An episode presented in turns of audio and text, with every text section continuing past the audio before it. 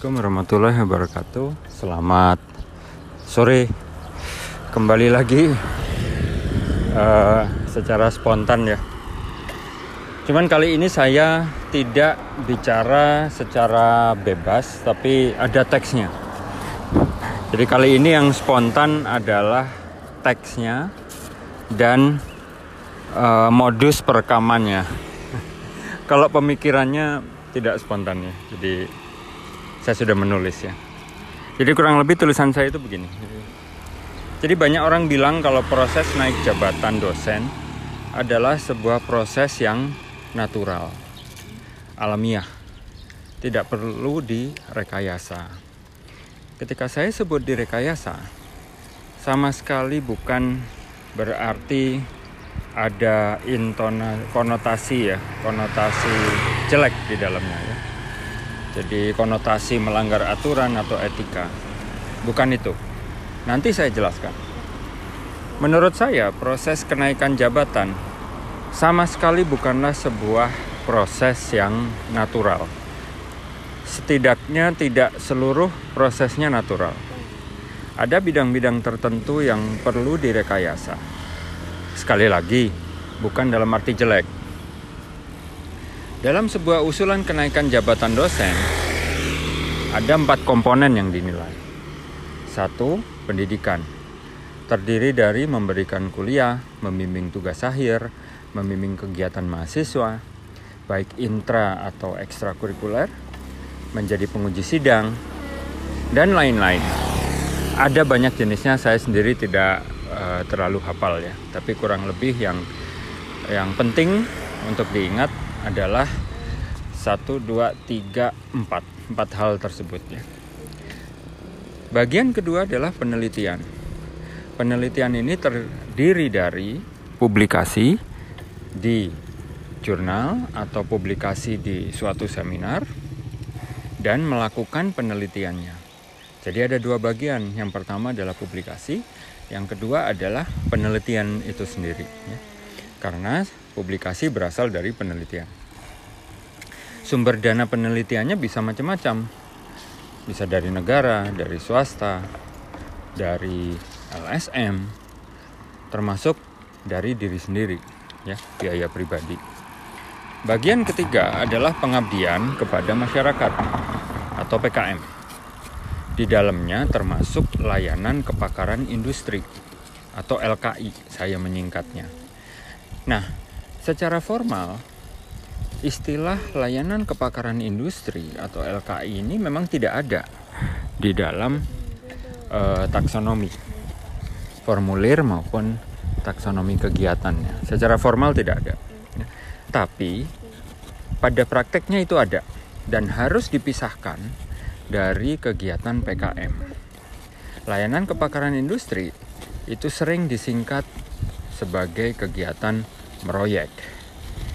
Ibu dan Bapak pasti tahu kegiatan meroyek itu adalah kegiatan apa. Selama ini itu dimasukkan sebagai bagian dari PKM. Tidak salah, tapi itu akan sedikit mengacaukan atau mungkin malah banyak mengacaukan eh, taksonomi kegiatan itu sendiri gitu ya. Walaupun formulir dan skornya sama, PKM punya ciri penting. Yang pertama tidak dibayar. Sebaliknya meroyek cirinya adalah kita dibayar sesuai tingkat kepakaran. Kliennya adalah industri. Bisa lembaga swasta atau perusahaan, bisa lembaga negara. Misal Pemda. Ciri lain dari LKI atau proyek adalah adanya kontrak dan biasanya perlu bendera perusahaan. Untuk PKM ada juga yang dibayar tapi biasanya tidak sebesar kalau Anda meroyek. Tidak perlu kontrak dan bendera perusahaan kalau dalam PKM. Cukup ada surat undangan, surat kesediaan Anda, atau didukung juga oleh surat tugas dari kampus Anda. Anda pasti tahulah yang mana PKM dan yang mana LKI. Ya, oleh karena itu, jangan disatukan. Jangan seolah-olah ketika anda semua sering melakukan kegiatan LKI atau layanan kepakaran kepada industri ya atau berpraktek, tapi Anda klaim sebagai kegiatan pengabdian masyarakat seperti dalam terminologi yang dianut dikti. Jelas itu berbeda, ya. Jadi jangan salah. Di era pandemi ini, memberikan webinar juga dapat dimasukkan ke dalam PKM. Sekarang bagian keempat, yaitu bagian pengembangan institusi. Di sini terlihat apakah Anda aktif membantu kampus dalam pengembangan kelembagaan atau tidak. Ya. SK menjadi pejabat atau SK sebagai ketua atau anggota panitia ad hoc atau satgas penting di sini sebagai bukti dari aktivitas Anda. Nah, sekarang adalah bagian telaah saya tentang tingkat kenaturalan atau tingkat kealamiahan berbagai komponen di atas. bantu saya, Pak Ji. Enggak. Baik, saya mulai dari yang paling tidak natural. Yang pertama adalah bidang pendidikan. Banyak orang bilang bidang pendidikan itu adalah bagian yang paling alamiah dalam tugas dosen. Sepertinya bukan menurut saya. Seperti yang sudah disebutkan di atas, bidang pendidikan yang dinilai yaitu dan yang terpenting adalah pembimbingan tugas akhir. Ini adalah kegiatan yang utama. Anda boleh tidak pernah membimbing kegiatan kemahasiswaan, tapi harus pernah membimbing tugas akhir atau TA. Kenapa membimbing TA yang saya anggap paling tidak natural? Karena akan sangat ditentukan oleh minat mahasiswa kita tidak bisa mengatur minat mereka. Jadi sangat mungkin ada dosen bidang tertentu yang kebanjiran mahasiswa bimbingan, tapi ada pula dosen lain yang minim peminat. Minat juga ditentukan oleh waktu. Pada satu waktu, satu dosen bidang tertentu bisa kebanjiran peminat, tapi di waktu yang lain dia bisa kekurangan peminat. Begitu pula sebaliknya. Kalau ini dibiarkan secara alamiah, maka target 40 angka kredit atau AK kalau ingin naik dari lektor ke lektor kepala akan sangat lama tercapainya. Contohlah saya.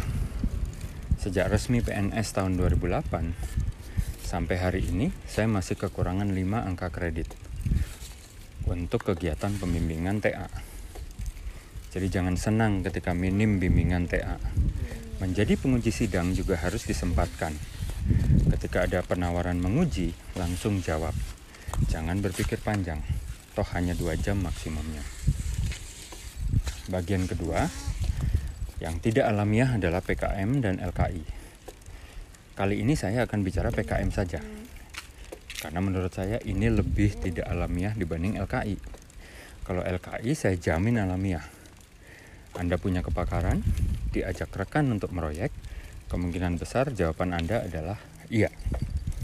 Belum lagi bila Anda sudah memiliki jejaring sendiri dan bisa membuat kegiatan proyek sendiri. Alamiah bukan? Nah sekarang mari kita lihat PKM yang betulan. Pengabdian kepada masyarakat.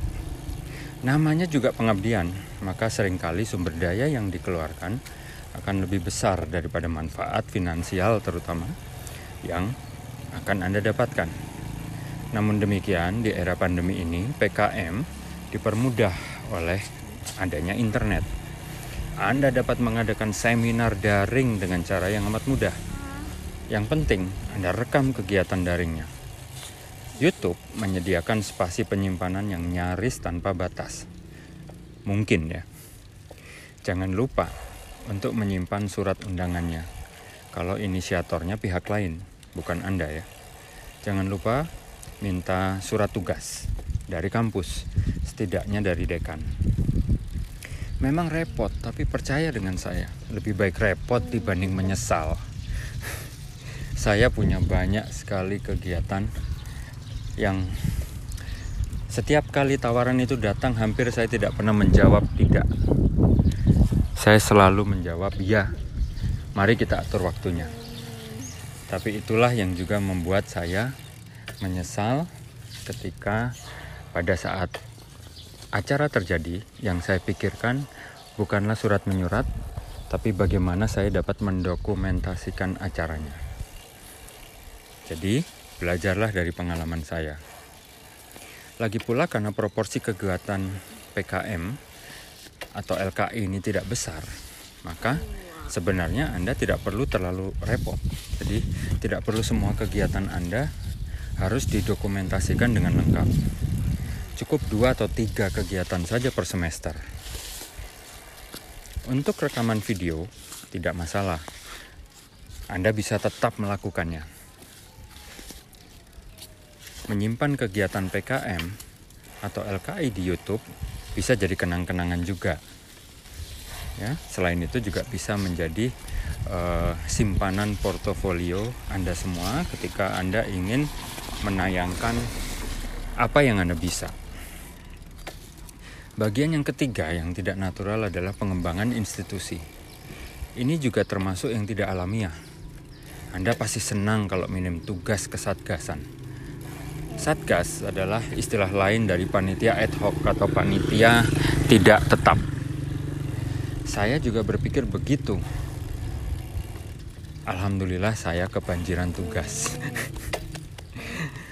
Jadi memang ada resikonya ketika Anda sedikit saja menunjukkan potensi sanggup menunaikan tugas kepanitiaan dengan baik. Maka dijamin tugas berikutnya tidak akan berhenti. Anda tinggal atur-atur waktu saja.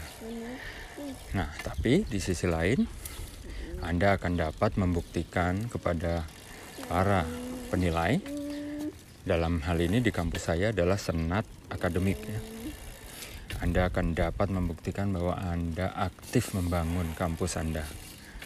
Jangan lupa SK-nya juga disimpan. Nah, tapi untuk SK-SK internal seperti ini mestinya lebih rapih penyimpanannya dan Anda tinggal ke ke sekretariat kantor atau unit kerja yang menugaskan Anda. Baik, itulah tiga bidang yang paling tidak natural menurut saya. Jadi uh, bagi ibu dan bapak yang mampir ke sini dan baru masuk sebagai dosen, maka perlu kiranya menata strateginya ya.